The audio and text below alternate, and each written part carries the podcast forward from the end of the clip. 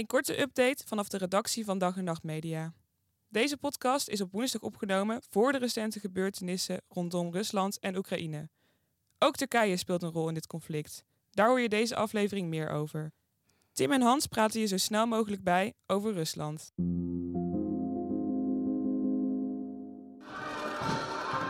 A guard of honor greets Turkish President Erdogan at Kiev's Mariinsky Palace. Erdogan responds,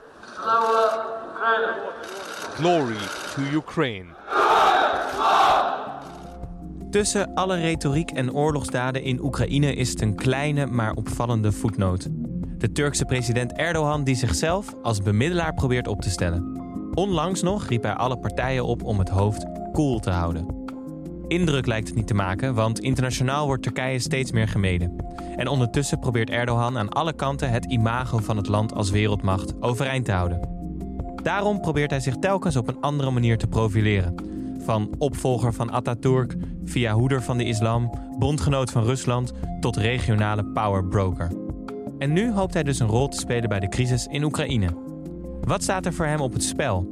En helpt het hem zijn moeilijkste jaar als leider ooit te overleven?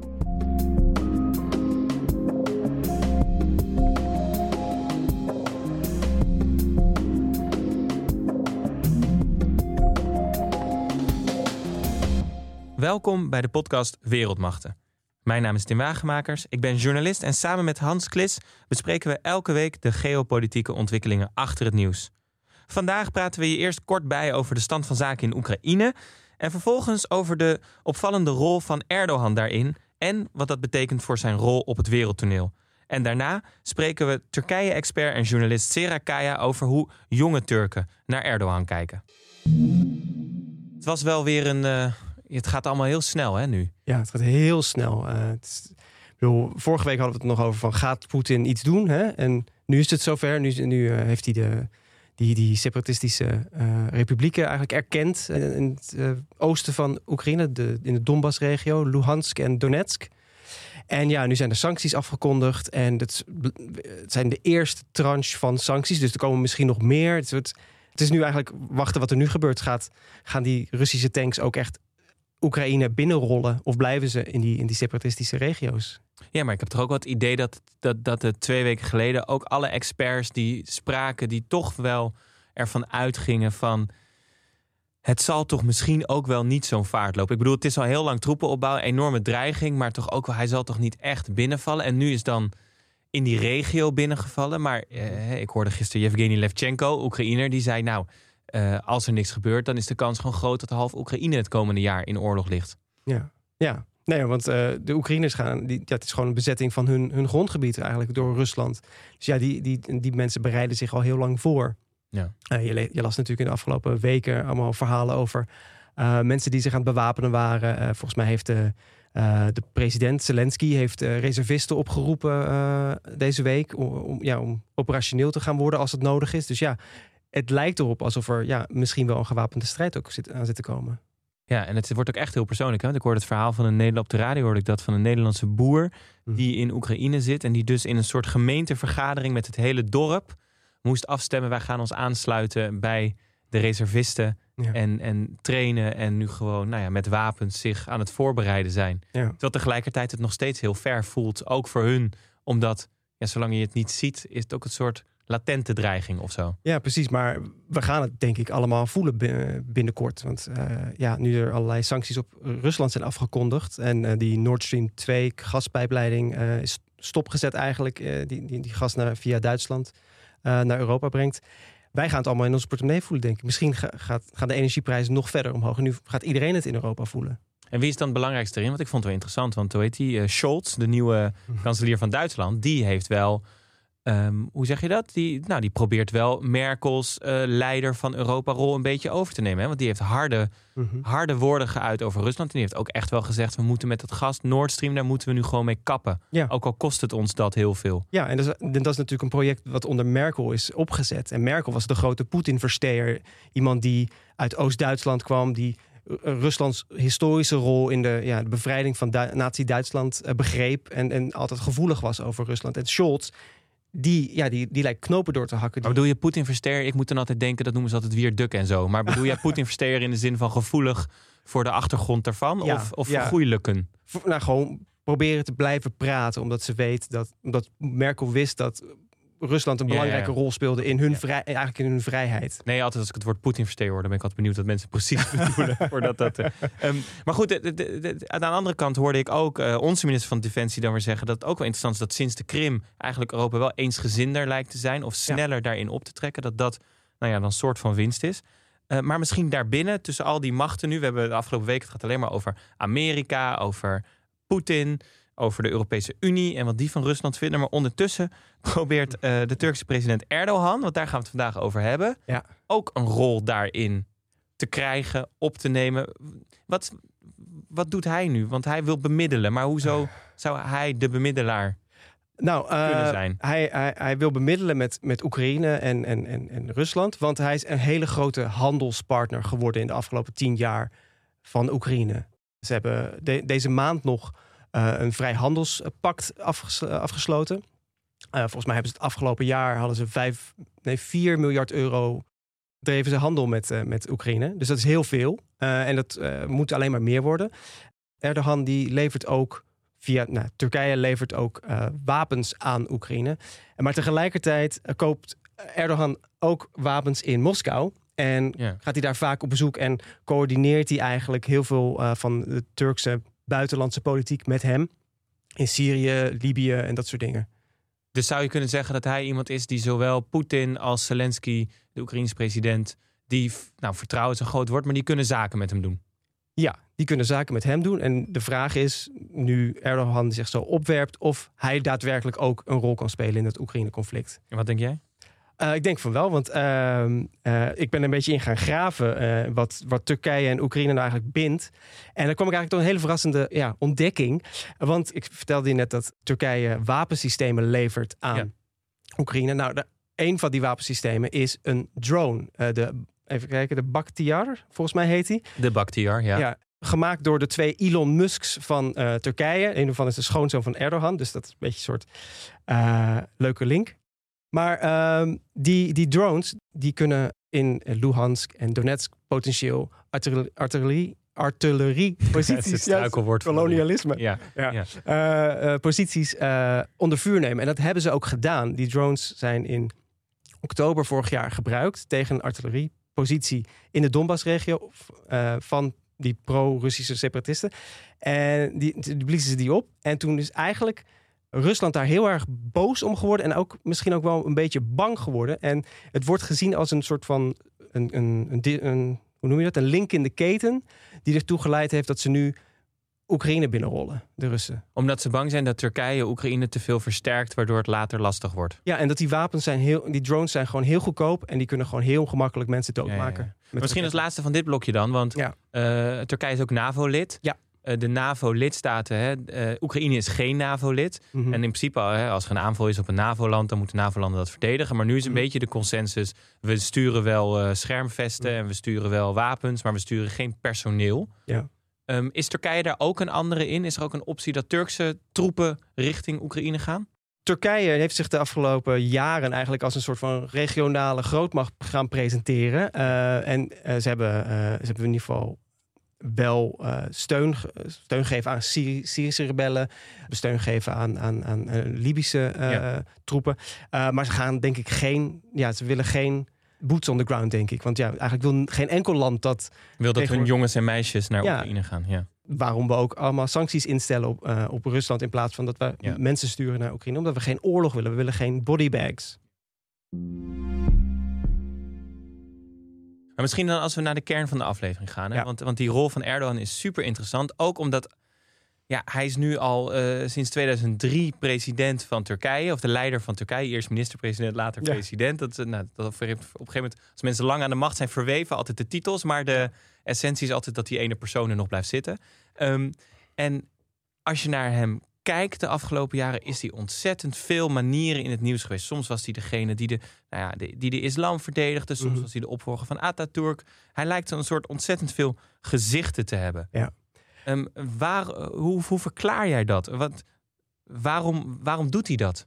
Erdogan is een autocratische leider. Hij heeft zich ontpopt als een autocratische leider. En die blijven heel lang aan de macht. En op een gegeven moment, ehm, ja, dan neem je op een gegeven moment alle posities in die je, die je in kunt nemen. Om je, om je eigenlijk je populariteit onder het volk uh, ja. hoog te houden. Ik bedoel, ehm, al die, al die uh, buitenlandse avonturen, die hoor, die, dat is een soort van machtsprojectie. En om te laten zien dat Turkije heel erg belangrijk is. En dat het nog steeds een soort van die Ottomaanse grandeur heeft van, van het Ottomaanse Mm. Rijk, dat in 1919 eh, ontmanteld werd.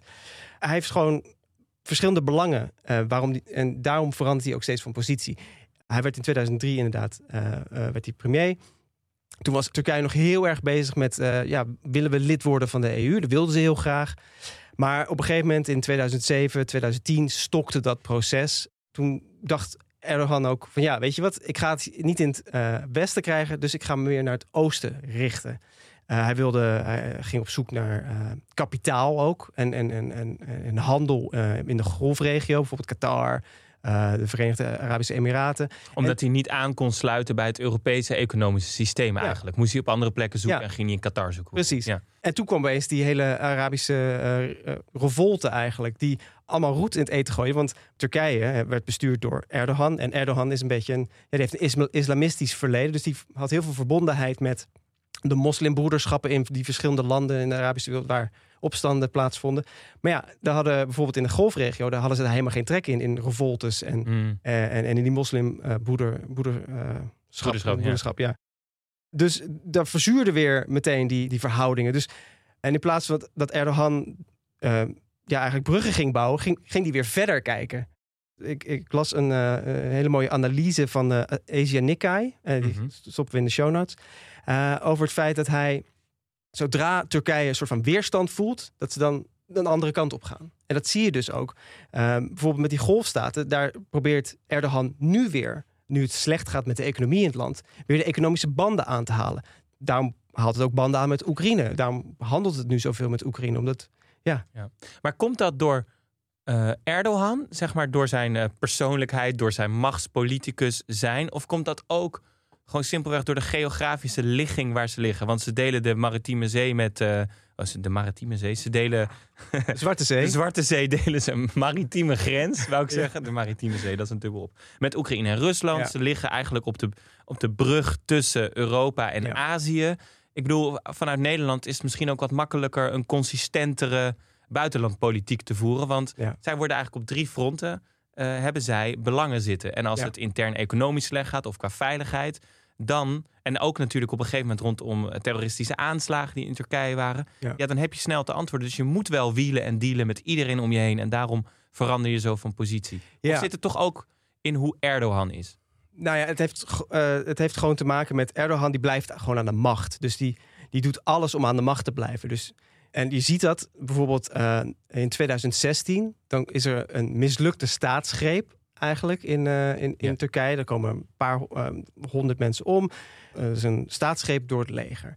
En op dat moment, wat er dan gebeurt, de eerste die Erdogan belt, is niet eh, president Obama, maar het is Poetin. Die belt als eerste. En eh, Erdogan, die voelt opeens, die wordt pas vier dagen later na die, na die staatsgreep gebeld door, door, minister van Buitenlandse Zaken uit Amerika, ehm, John Kerry. En hij, hij is heel ge- gekrenkt in zijn trots. Dus hij gaat, Poetin, die, die is de eerste die hem eh, Mhm. belt. Hij gaat er ook meteen heen. Als eerst, de eerste staatsbezoek is meteen naar, naar Rusland. En, en daar wordt hij soort van ontvangen eh, van als groot staatsheer. Ehm, in een van die eindejaarsinterviews met Poetin. Eh, volgens mij is dat 2017. Zegt Poetin over Erdogan: Dit is een echte man. Dit is, eh, Erdogan is iemand die aan beloftes houdt. En dus, weet je, echt een soort van dat macho-idee. Hij, hij verteert Erdogan. En Erdogan, NAVO-lid, koopt op een, een jaar later een wapensysteem uit Rusland. Wat Mm. specifiek gericht is op het neerhalen van NAVO-vliegtuigen. Dat is een no-go voor Amerika.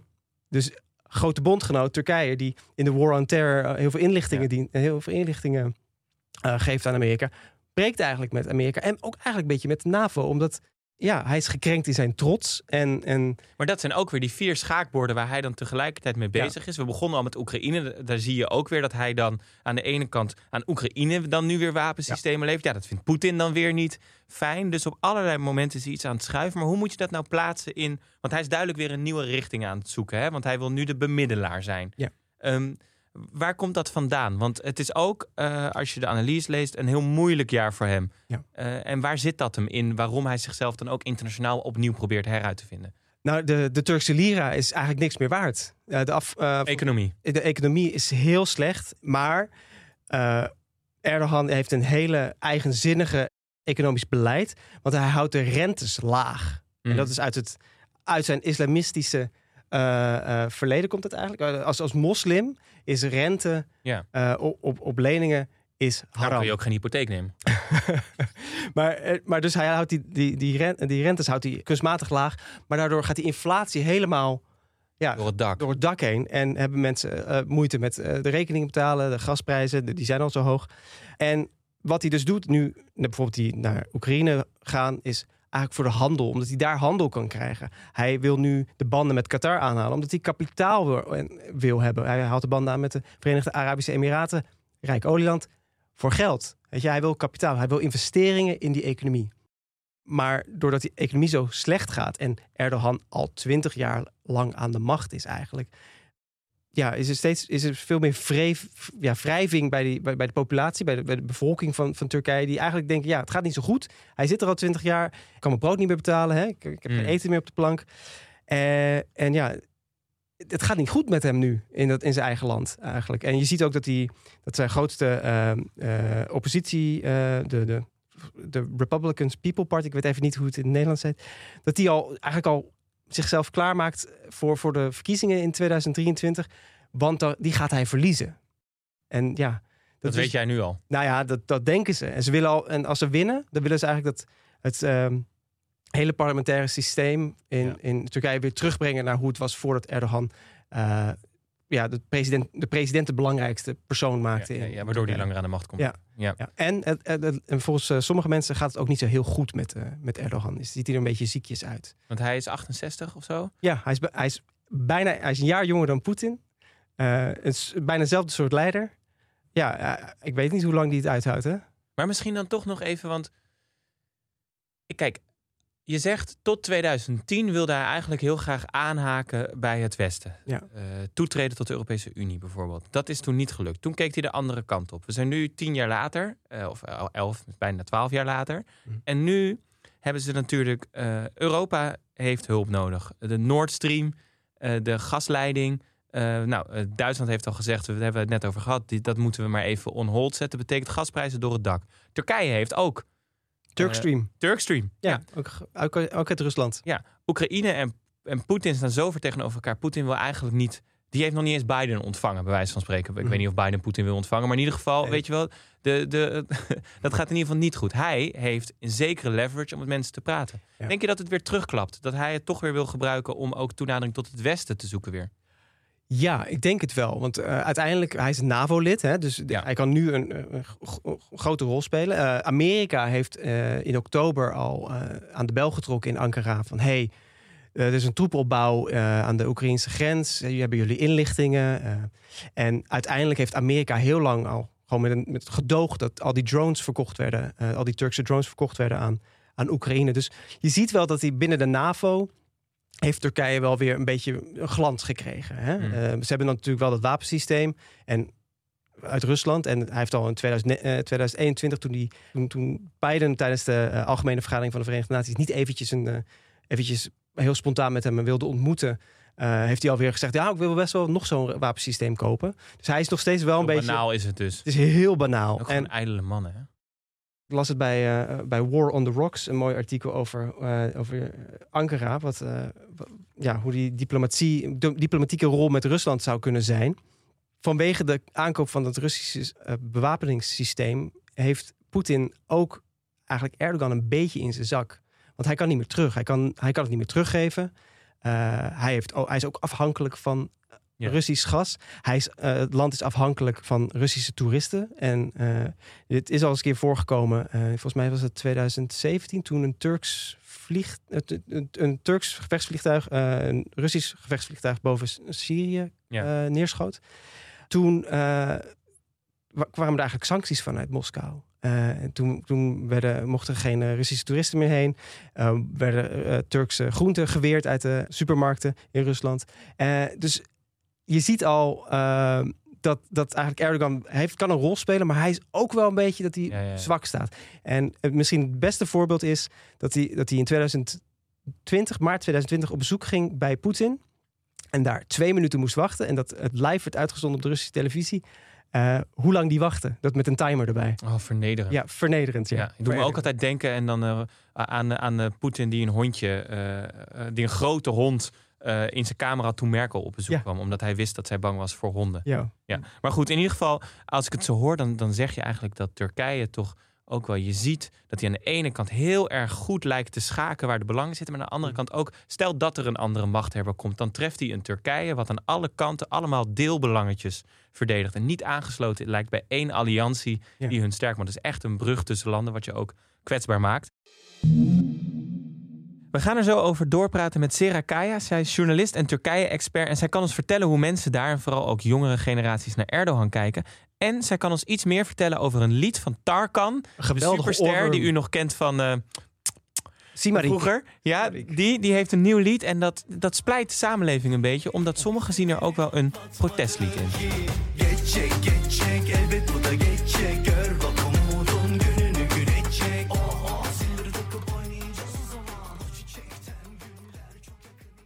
Zera, welkom. Fijn dat je er bent. Ja, dankjewel, Tim. Heb jij, want wij zaten een beetje het, nie- het nieuws te volgen, maar ook over wat er in Turkije speelt. En toen kwamen we dat liedje van Tarkan tegen, wat in het Nederlands het zal voorbij gaan betekent. Heb jij die ook al dagen in je hoofd zitten of eh, valt dat wel mee? Ja, ja, dat valt wel mee. Ik heb het natuurlijk gehoord. Vorige week eh, eh, ja, is het uitgekomen. En toen is er wel veel ophef ontstaan in het land. Ja, want dat is ook een beetje de reden waarom ik erover begin. Hè? Want we hebben het over de situatie in Turkije en hoe jongeren daar naar kijken. En dat liedje, dat is eigenlijk een protestlied, wordt dat genoemd. Kun je ons iets meer vertellen over ja, wat er loskwam na dat lied?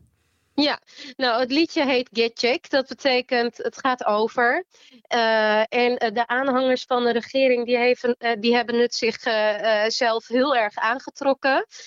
Zij vinden het beledigend en bekritiserend naar de regering toe. Eh, maar Tarkan is met een verklaring gekomen. Hij heeft verteld dat hij, eh, dat hij het heeft geschreven door de pandemie, omdat hij in een slecht gemoedstoestand zat. En eh, hij merkt ook om zich heen dat mensen in een slecht gemoedstoestand zitten. Dus om ze een beetje hoop te geven, heeft hij zo'n nummer geschreven.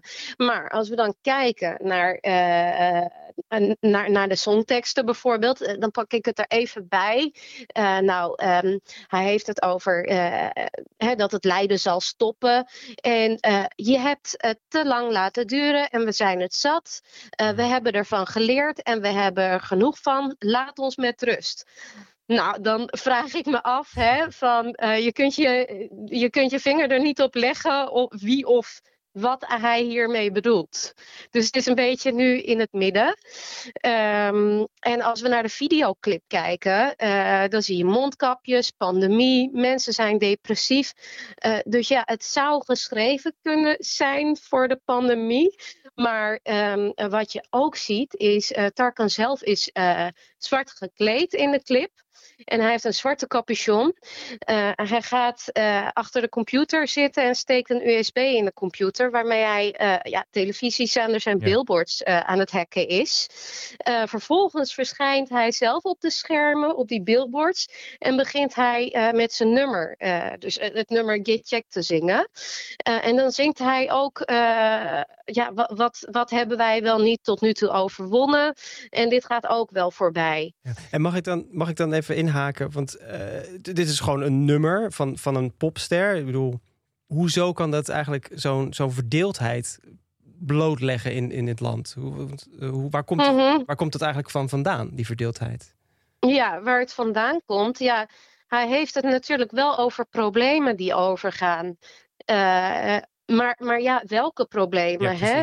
Ja. Eh, en, en, en mensen van de regering of regeringsgezinden, die denken dan van ja, hij heeft het over de problemen eh, eh, in het land. Maar het is de clip, als je kijkt naar de videoclip, is het ook niet zomaar iets. Hij, hij is in die videoclip de billboards aan het hacken en hij is Ja. mensen aan het oproepen tot bepaalde dingen. Ik moest denken aan de film V for Vendetta, waarbij eigenlijk de hoofd, hoofdrolspeler eh, ook de billboards hackt en, eh, en het volk tot opstand roept. Ja. Ehm, dus ja, maar ja, dat is mijn eigen eh, idee. Ik snap wel waar het vandaan komt dat, dat de regeringsgezinden denken van oké, hij roept mensen op om, eh, om in actie te Ja, komen. want- Want aan welke problemen raakt het dan? Of tenminste, die liggen eronder. Want wij, ja, wij lezen veel over die inflatie, over de economische problemen. Is dat dan wat daaronder ligt? Of gaat het ook over hoe ze naar Erdogan kijken?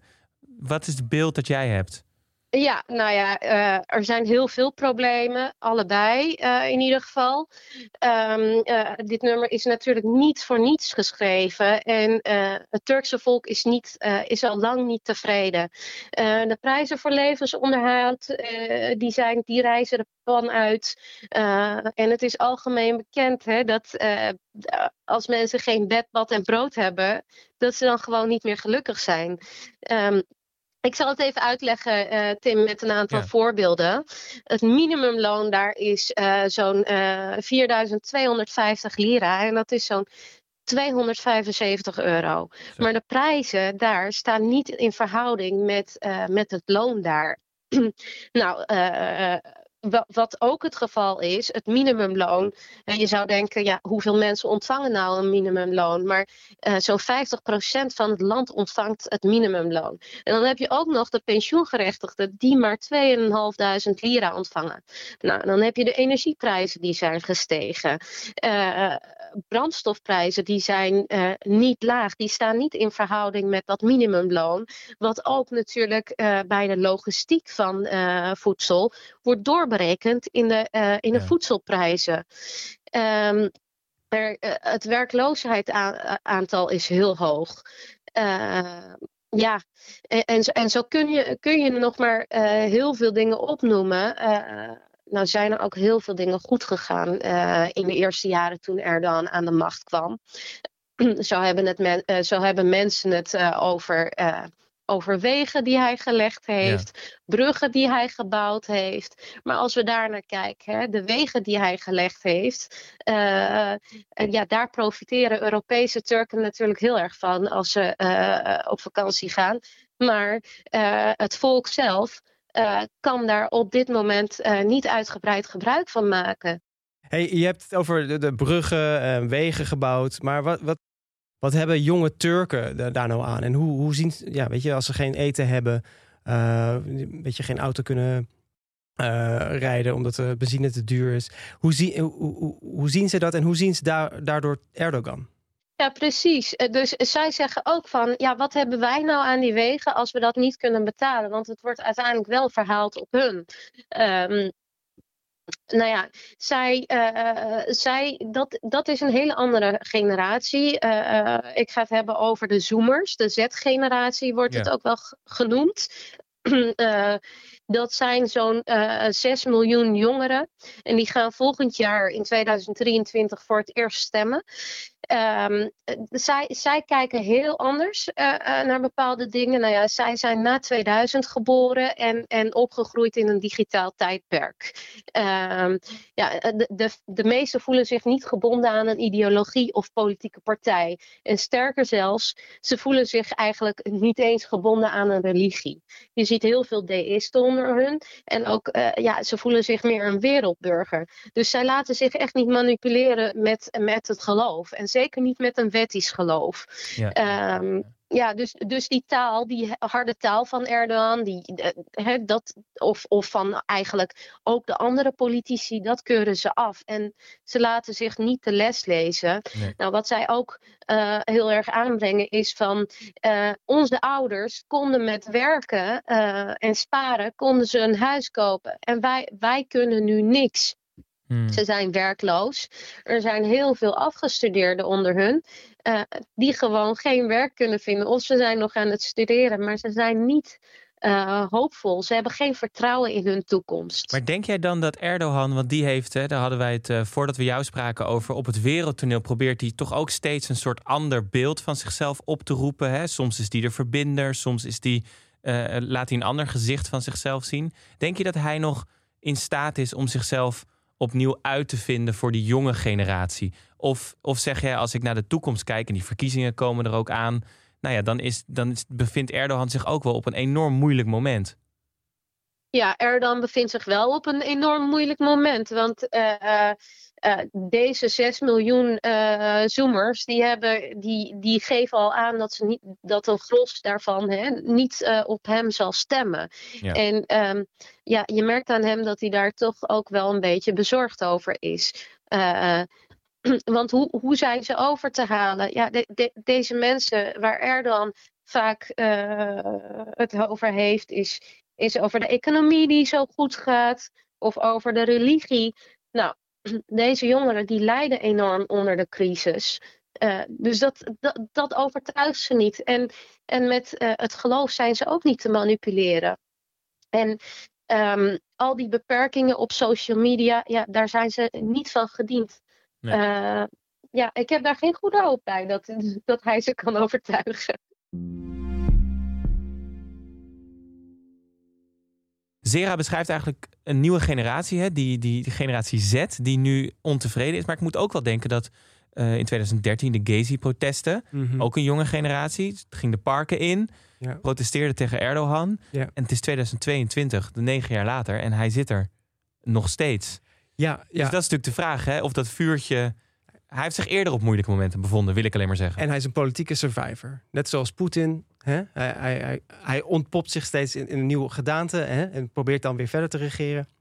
Dus wie weet, want eh, volgens mij waren er eh, verkiezingen in 2019 over de, de burgemeesters in Ankara en Istanbul, volgens mij. Ja. En die moesten overnieuw, want eh, ze, zijn, zijn partij won niet. En uiteindelijk, zelfs bij die, bij de tweede keer dat die verkiezingen werden gehouden, won de tegenpartij. Maar ja, toen was hij er ook niet mee eens. Dus ja, het is ook een beetje gissen van, ja, dit is een autocratische leider. Wat gaat hij doen straks als mensen niet op hem stemmen? Nou ja, en ik kom dan toch ook weer terug op weer de rol van de internationale gemeenschap. Want als hij nou toch weer richting het westen beweegt, En daar. eh, kijk, hij heeft natuurlijk eerder met de migrantencrisis. Hè, nou, we, we kunnen nog uren over Erdogan en zijn rol doorpraten. Maar hij heeft natuurlijk ook de Europese Unie eruit weten te onderhandelen. Heeft hij flink wat dingen binnengehaald. Ja, maar en tegelijkertijd heeft hij dat ook als pressiemiddel gebruikt. Precies. Ja. En dat is natuurlijk niet waar het Westen op zit te wachten. Precies, maar dan heeft hij toch best wel wat op het spel om de relatie een beetje goed te houden. Als hij volgend jaar met die verkiezingen het Westen op zijn hand wil hebben. Mm. Als er toch een beetje, misschien een luchtje aan de verkiezingen komt te zitten. Misschien zit er een rol als NAVO-lid hier eh, bij, met het Oekraïne-conflict. Ja. Maar zou je nou Turkije een wereldmacht noemen? Mm, Zo heet onze podcast nou. ja, ik denk aspirerend. Het ambieert een wereldmacht te zijn. Het is Ja. meer, maar het is meer een regionale speler. Maar als het een pion is, zou ik dan paard zeggen. Het heeft soms gekke sprongen. Maar het is altijd het is ook wel een interessant stuk hoe het strategisch. Nou, ik- we moeten nu met de schaak met de stoppen. In ieder geval, we gaan, hem, we gaan hem afronden. Heb jij nog een shout-out deze week? Ja, ik wilde een eh, eh, Turkije-correspondent van NOS, Mitra Nazar, eh, wilde ik tippen. Eh, ze had begin deze maand een hele leuke reportage voor Nieuwsuur gemaakt over YouTubers in, in Turkije die kritische verslaggeving verzorgen over Erdogan, waar mainstream media daar dat niet meer deden. Ah, mooi. Burgerjournalistiek. Ja, burgerjournalistiek eigenlijk, ja. ja. Vloggers, maar die verdienen er wel heel veel geld mee. Dus Dus, het woord burger is een rotwoord, hè? Burgerjournalistiek. burgers. Klinkt dat, ja. Ja. Oké, en ik wil dan eh, een andere kost met Rob Zavelberg van de NOS. Die was, eh, die in, eh, die was in München woont hij en die had daar deze week moet je op de NOS zijn, zijn stukken kijken. Die had een fantastische analyse van nou ja, wat ik in het begin zei over Scholz en hoe die eigenlijk best wel snel. Hij, hij noemde Scholz geen koekenbakker. We deden net alsof na Merkel er niks mogelijk was, maar hij was gewoon minister. Hij heeft echt wel. En hij laat zich nu ook zien op het wereldtoneel. Dus ik vond dat een interessant om te volgen en een inter- interessante take van hem eh, daarop deze week. Ja. Rob Zavelberg. Ehm, dan gaan we afronden, Hans. Dankjewel weer. ja, dat was heel gezellig. Dank ook aan onze expert, Sera Kaya. En dank ook weer aan onze luisteraars. En alles wat we genoemd hebben komt ook weer online op onze vriendvandeshow.nl slash wereldmachten. Je luisterde naar een podcast van Dag en Nacht Media in samenwerking met de Buitenlandredactie. Redactie door Esther Krammendam, Meerte van Munster en Lara de Boer. Montage door Jeroen Sturing, eindredactie Anne Janssens. De muziek is van Studio Cloak. Je vindt ons op vriendvandeshow.nl slash wereldmachten en natuurlijk op Instagram en Twitter en ga dan naar het account Wereldmachten. Tot volgende week.